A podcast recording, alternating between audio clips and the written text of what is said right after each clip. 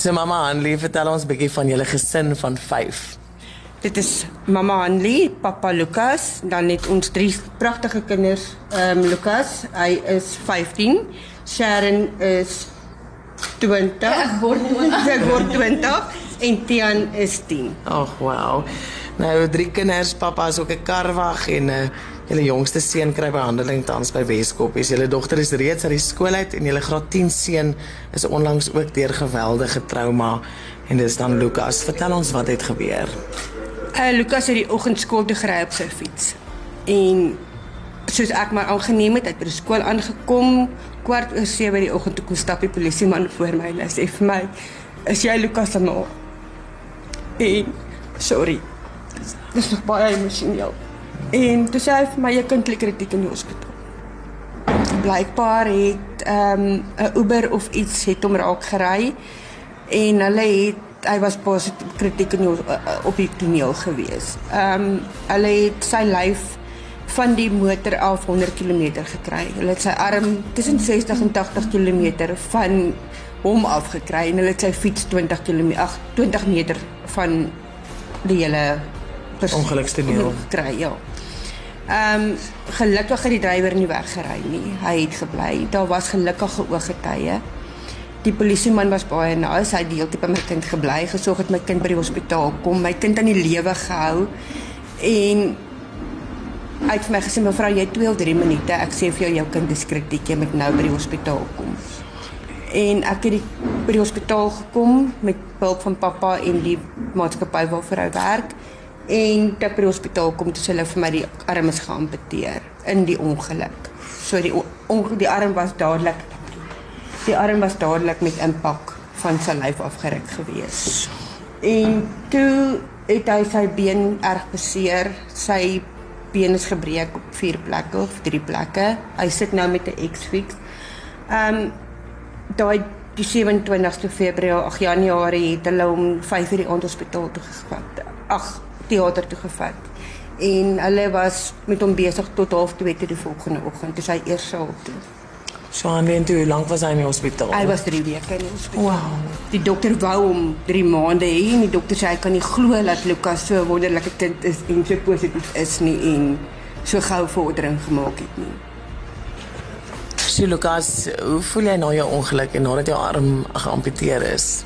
Um ek was nie begin hartseer tannie maar na ruk het ek besef dat my arm weg is dan nie en ek het besef ek kort nie eintlik al twee arms om my lewe te leef het en ek So mamma Andy, dis nie altyd spoed wat jy ervaar het nie. Wat se nuus het jy onlangs ervaar ontvang? Um, ek het uitgevind die maandag voor die ongeluk, dit is alles in 1 week gewees. Het ek uitgevind ek het servikale kanker stage 3B. En ek is tans besig met my behandeling. So. Mama Anlie, hoe hou julle tans kop bo water? Hoe bly julle positief? Ehm um, genade van bo. Baie vriende, baie liefde en ja. Ek het 'n baie groot supportspan wat ons daar hou. En dan soos ek sê genade van bo, want sonder ons sou ons tog nou nêrens wees nie. Nee, het my vroeër ietsie gesê van om te bly lê is nie 'n opsie nie. Nee. Hoekom nie? Want as ons gaan lê of as ek gaan lê, wat gaan van my kinders en my man word? En sonder 'n ma in 'n huis en sonder 'n pa in 'n huis, dan dan is daar nie 'n familie nie. En dit is ons, dit nie as 'n gesin. Mamma, ons begin weer by jou. Wat is jou grootste wens vir jouself, vir jou kinders, vir jou familie? My wens is dat my kinders hulle drome kan waarmaak. Maak nie saak hoe groot of hoe klein nie. En dat ek nie daar kan wees om eendag my kinders te laat sien trou en en kleinkinders dit dit is my grootste wens. Lukas, wat is jou grootste wens? Um, om 'n lekker sinnige neer te word dan. Wow, amazing. Sharon, jou beer? Wel, ek wou hê my ma moet gesond word en Lukas moet sy droom bewaar en Tian moet ook Ek is op pad om my te vat. Ek wil die wêreld gaan toer, maar dit is nog ons bietjie idee, maar ek gaan eendag gaan ek dis my droom om na Parys toe en Londen te gaan. Alles so. Saam met wens om te gaan. Wow. Dian, wat is jou groot droom? Ek wil net laat my ma baie lief hê. En, en, en ek wil laat my kitty lekker lewe hê en hy moet graag gesond word en en ek wil sommer bly eendag. So mamma Andy, jy gaan nou vir die volgende 2 maande vir behandeling wat jy nie jou kinders gaan sien nie. Hoe laat dit jou voel? Baie hartseer want my kinders is my lewe. Almal weet dit. Die hele wêreld weet die kinders my lewe draai om my kinders en my man en my huis. Ehm um, maar daar is besoektye. So hulle kan besoektye inkom. Klein Tia het ons 'n plan mee. Ek en hy het 'n almanak wat ons gaan volgende week uitwerk en ons gaan FaceTime op die foon. Oh wel. Ja. Okay, okay. Lukas, en wanneer gaan jy terug skool toe? Um dalk oor 'n week of dalk oor 'n maand, maar hang af oor wat die dokter sê. Okay. Is jy opgewonde? ja. So mamma Andy, wat behels julle maandelikse uitgawes? Maandelikse uitgawes op die oomblik is ons levy van 1350. Dan het ons die kos wat ons moet koop, die water en ligte werk ons omtrent so uit 1000 tot 1200 rand.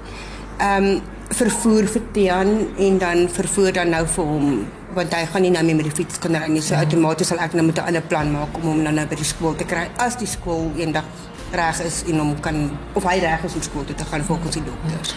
En wat behels die skoolfonds op hierdie stadium? Skoolfonds op die oomblik dink ek ek is nie seker van hom nie want toe ons het nog dit was voor die skoolfondse uitgekom het, maar ek dink dit is 1002 en ek dink hier by Tian is dit ook 1002 1003 maand. Okay.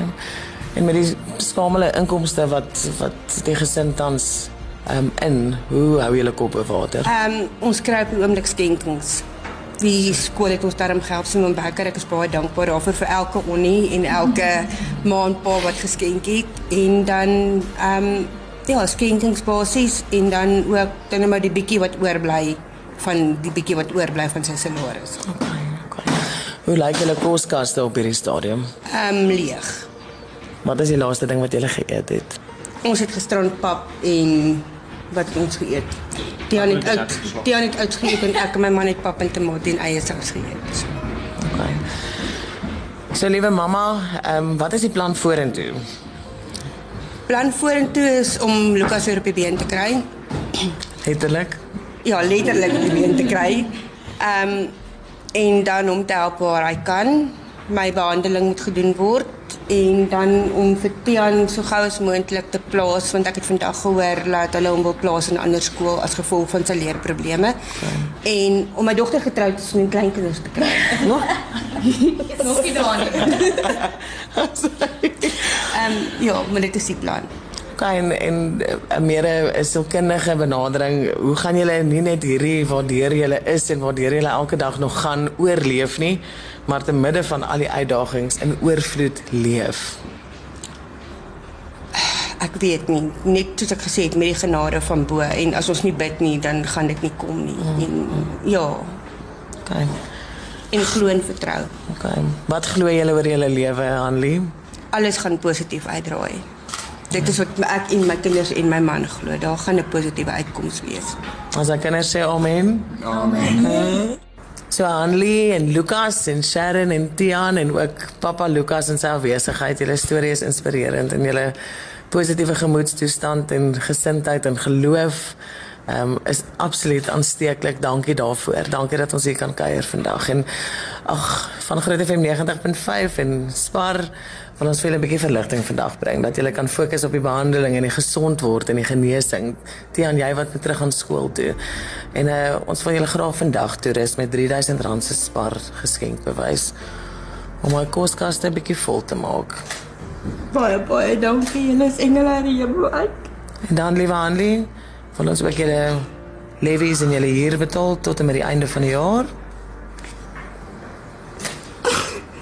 En dan gaan ons ook seker maak dat Tian ehm um, toekomstige elektriese ingenieur wat baanbrekers werk gaan doen, gaan ons seker maak sy skoolfonds vir die jaar is ook gedek.